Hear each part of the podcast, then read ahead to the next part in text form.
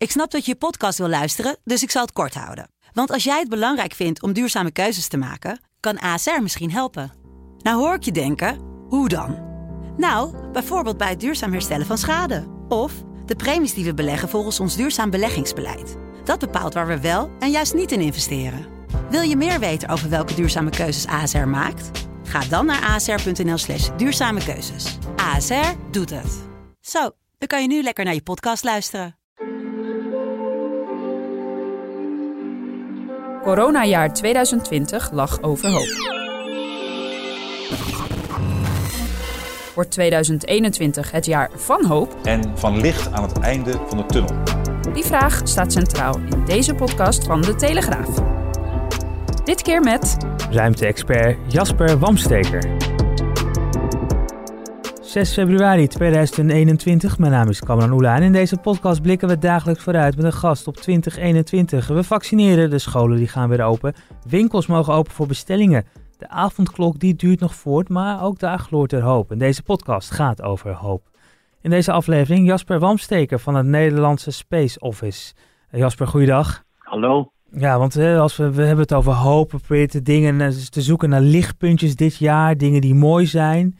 En dan schetst onze verbazing dat het een heel mooi jaar schijnt te gaan worden voor de ruimtevaart. Ja, daar zijn echt wel de lichtpuntjes eh, te vinden hoor. Lichtpuntjes uh, aan de hemel natuurlijk, dus uh, in het heelal, de sterren. Mm Maar ook uh, lichtpuntjes als we vanuit de ruimte naar de aarde kijken. Ja, want als we even het afgelopen jaar nog kijken, naar 2020, het, het coronajaar, of het eerste coronajaar, zoals we het maar willen zeggen. Ja. Is dat een beetje een verloren jaar geweest in de ruimte?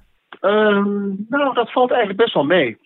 Uh, kijk, er zijn natuurlijk vertragingen doordat spullen moeilijker uh, getransporteerd konden worden. Uh, doordat processen in bedrijven en in onderzoeksinstituten en bij ruimtevaartorganisaties stiller liggen. maar heel veel is ook gewoon wel door kunnen gaan. Dus de satellieten die al in de ruimte zijn, die zijn natuurlijk gewoon doorgedraaid. En die hebben fantastische dingen opgeleverd. En met wat vertraging zijn er ook echt nog wel mooie lanceringen gekomen. Dus ja. we mogen wat dat betreft niet klagen. Zeker niet klagen, maar 2021 wordt een veel mooier jaar. Hè? Waar kijk jij het meest naar uit? Nou, er is zoveel om naar uit te kijken. ja, eigenlijk kijk ik al uit naar uh, eind deze maand. Want dan gaat Nederland een heel mooi aardobservatie-instrument afleveren aan NASA. Daar verheug ik me al op. Ik verheug me ook op uh, ja, de lancering van een robotarm, een Nederlandse robotarm. Daar kijken we al heel lang naar uit. En dit jaar schijnt het echt te gaan gebeuren. Mm -hmm.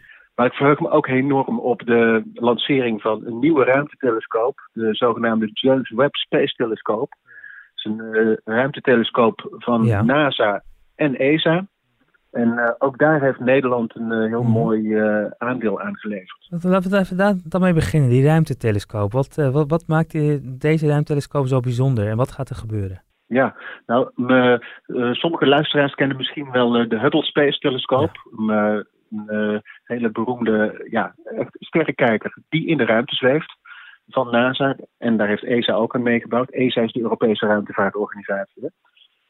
maar die Hubble Space Telescoop die heeft waanzinnig mooie beelden geleverd. Van echt sterrenstelsels heel ver weg, waar je de afzonderlijke sterren kunt zien.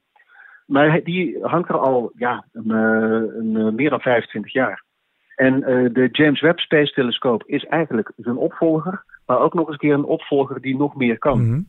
Want uh, de James Webb Space Telescope die heeft uh, ook een paar infraroodogen. Met infrarood kan je heel diep het heelal inkijken en kan je kijken wat je met zichtbaar licht, met je, met je eigen ogen niet kunt zien. Je kunt stofwolken rond uh, uh, sterren zien waaruit planeten gevormd worden. En dat is bijvoorbeeld een van de belangrijke puzzelstukjes die James Webb wil gaan ontrafelen. Kijk. hoe worden planeten ontstaan en hoe lijkt dat een beetje op hoe onze eigen planeet is ontstaan? Wanneer gaat die telescoop de lucht in? Nou, de datum die staat nu op 31 oktober, maar dat zijn nog altijd boterzachte data hoor in de ruimtevaart. Maar goed, het is iets om naar Kijk, uit te kijken. Ja, het gaat over hoop, het gaat over lichtpuntjes, het gaat over naar dingen Zeker. uitkijken. Dus dat is mooi. Dan hoorde ik Ja. iets zeggen over een Nederlandse robotarm. Dat klinkt toch wel iets waar we dan Ja. trots op kunnen zijn. Eh, wa- Wat is dat? Dat is iets waar we, daar, daar kunnen we ontzettend trots op zijn. Die robotarm die heet eigenlijk de European Robotic Arm, era. Ja. Maar, maar ja, hij is gewoon eh, 100% in Nederland gebouwd, in Leiden om precies Mhm. te zijn. Het is een, eh, een, eh, ja, een, robotarm die een, eh, gelanceerd wordt met een Russische raket aan een Russisch, Russische module die aan het International Space Station gekoppeld wordt. En nou ja, als hij daar zit, dan zit die robotarm daar ook. En dan gaat die robotarm eh, helpen om ehm, spullen, en dat zijn heel vaak wetenschappelijke experimenten, me vanuit de luchtsluis van het, eh, van het eh, ruimtestation, vanuit het ISS, me naar buiten te pakken en buiten op het ruimtestation te bevestigen.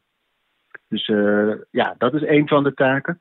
Me- wat hij ook kan doen, is me, astronauten die een ruimtewandeling maken, dat moet soms ook gebeuren als er iets gerepareerd moet worden aan de buitenkant van het ruimtestation.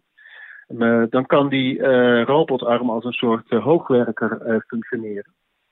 Waarbij de, de astronaut eigenlijk die, eh, die hoogwerker, die robotarm met een soort joystick me, eh, bedient. En zo me op een veilige manier op allerlei plekken kan komen me, op dat ruimtestation. Dus het zou zomaar kunnen dat hij op die manier ook echt daad- daadwerkelijk gebruikt gaat worden in de toekomst. Ja, ja, ja. Eh, hij, gaat, eh, nou ja, hij gaat gebruikt worden door een, eh, als eerste door een, eh, een Franse eh, astronaut, Thomas Pesquet. Die gaat nog iets later dit jaar eh, gaat hij naar het eh, ISS met een, eh, een Crew Dragon capsule hè, van, van Elon Musk. En als hij daar is, dan zal hij een van de eerste zijn die die European Robotic Arm ook daadwerkelijk gaat bedienen. Je noemt Elon Musk net, net al. We hebben vandaag ook een mooi verhaal in de krant over de strijd tussen Jeff Bezos, Richard Branson en Elon Musk. Eh, die allemaal ook toeristen de, de ruimte in willen gaan krijgen. Wordt dit nou het, echt het jaar dat, eh, dat de gewone burgers daadwerkelijk de lucht in gaan? Nou, of de lucht in de ruimte in. Hè? De eh, lucht in, eh, we vliegen natuurlijk allemaal al, maar de ruimte Precies. in. eh. strikt genomen gaan we de lucht uit, hè? ja, de lucht uit, de ja. ruimte Ja, precies. Ja. Ja. Maar goed, eh, ja, gewone burgers. Ik weet niet of je een beetje gekeken hebt wat voor mensen dat zijn die eh, me, eh, een stoeltje bij eh, meneer Musk kunnen, Ja, kunnen met, kopen. wat, met spaargeld, laat ik het zo zeggen. Ja, precies. Daar, daar- de meeste gewone burgers hebben dat niet, eh, niet op, de, op de bankrekening staan. Maar in ieder geval mensen die dus niet zijn, eh, niet zijn opgeleid als, eh, tot als astronaut, cosmonaut of een andere naut. Dit is, Ja, ja. ja. Nou ja, goed. Ik ben heel benieuwd hoe dat, eh, hoe dat gaat. En het is eh, in die zin eh, absoluut een, eh, een primeur. Niet helemaal een primeur, want er zijn al ruimtetoeristen eh, meegevlogen met een, eh, Soyuz-capsules. Ja. toen toen de Russen hun stoeltjes gingen, gingen verkopen. Of, maar ja, dit is wel een, een, een, een primeur. Dus ik ben, ik ben heel benieuwd hoe dat, hoe dat verder gaat. Nu is, we, hebben het over, we hebben het nu over, echt over de ruimtevaart. Hè? tenminste, de onderwerpen die we net bespreken. Dat- Oké, eh, voor, mensen met geld komt er iets dichterbij, maar verder is het toch een beetje een ver van de bedshow. Eh het, het lijkt er wel op dat, eh, dat, dat mensen het steeds interessanter gaan vinden. Of is het eigenlijk altijd al geweest en, en komt er nu gewoon dat, het, dat er gewoon veel meer nieuws is, omdat er gewoon veel meer partijen bezig zijn ook met ruimtevaart? Ja, nou ja, het is, het, het is natuurlijk altijd al super interessant geweest. Hè, vanaf eh, de allereerste eh, eh, satelliet, Mhm. de Sputnik, en de, en de allereerste astronaut, eh, Yuri Gagarin. En de allereerste mens op de maan, hè, Neil Armstrong. Het waren natuurlijk allemaal ontzettende, tot de verbeelding sprekende gebeurtenissen. En het is natuurlijk nog altijd tot de verbeelding sprekend, maar tegelijkertijd is die ruimtevaart ook de afgelopen decennia enorm ontwikkeld en juist steeds meer down to earth geworden. Ruimtevaart is eigenlijk overal om je heen. Uh, je kunt het weerbericht niet hebben zonder, satellieten. Mm -hmm. Volgende week uh, krijgen we misschien wel heel veel sneeuw en, en, en, en, ijs. Nou, we weten dat door weersatellieten. Ja. zonder een communicatiesatellieten kunnen we uh, geen uh, live beelden van uh, bijvoorbeeld Olympische Spelen als die doorgaan op televisie zien. Ja. dus dat zijn hele voor de hand liggende toepassingen. Maar wat ook het geval is, er zijn steeds meer satellietdata beschikbaar. er zijn heel veel satellieten die op allerlei manieren naar de aarde kijken, met verschillende soorten sensoren. En daar allerlei uh, nuttige uh, data uh, over verzamelen, die bij elkaar weer kunnen leiden tot heel concrete, nuttige diensten. Ehm, en dat is iets wat steeds, steeds meer in de ontwikkeling is. Ja. en, en daarmee gaat ruimtevaart gaat, waardevol worden voor bijvoorbeeld landbouw. Mhm. maar ook om bijvoorbeeld vanuit de ruimte ontbossing te kunnen, te kunnen monitoren. En uh, een van de programma's uit mijn organisatie is bijvoorbeeld bezig met uh, het verbeteren van voedselzekerheid mhm. in uh, kwetsbare landen, in Afrika bijvoorbeeld, door met behulp van satellietinformatie ja, het moment van zaaien en oogsten te bepalen. Ja. Dus ruimtevaart geeft, eh, heeft een steeds grotere en belangrijkere rol voor allerlei uitdagingen waar we hier op aarde mee, uh, mee zitten. En dus kunnen we op die manier ook, hè, het, moeten, kunnen we dat ook goed blijven volgen. Is de, het, eh, tot slot, als ik dan denk van wat is nou echt iets, een, een, belangrijke ontwikkeling nog om dit jaar in de gaten te houden, dan is dat misschien wel iets rondom die voedselzekerheid? Ja, nou uh, zeker. dus voedselzekerheid, maar ook, en dat is daar eigenlijk aan gekoppeld, klimaat. We, zitten nu natuurlijk in een coronacrisis. Maar als die coronacrisis een keer afgelopen is, dan zitten we gewoon nog eh, keihard in eh, een klimaatcrisis. Ja. En uh, ja, daar gaan satellieten ook een heel belangrijke rol in spelen om te monitoren wat moeten we doen om dat klimaat te beheersen.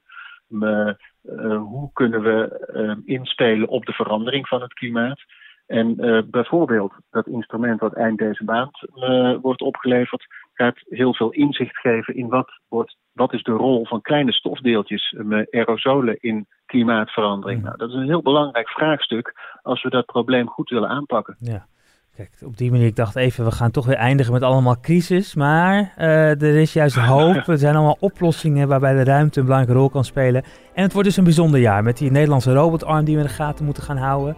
En, uh, en voorlopig, maar we hebben begrepen dus dat het allemaal flexibel is. 31 oktober de lancering van die uh, ruimtetelescoop. Uh, kortom, een hele hoop dat dit jaar weer gaat gebeuren in de ruimte. Zo is het, hè, Jasper Wamsteker van de Nederlandse Space Office. Absoluut. We zien er naar uit en er, is, er is altijd hoop. Er is altijd hoop. met die woorden sluiten we deze podcast af. Morgen dan zijn we er weer, dan weer meer hoop. Dan gaan we het hebben over het onderwijs. want maandag gaan de scholen weer open. Dus we blikken op de vooravond, op de zondagavond even vooruit op de school.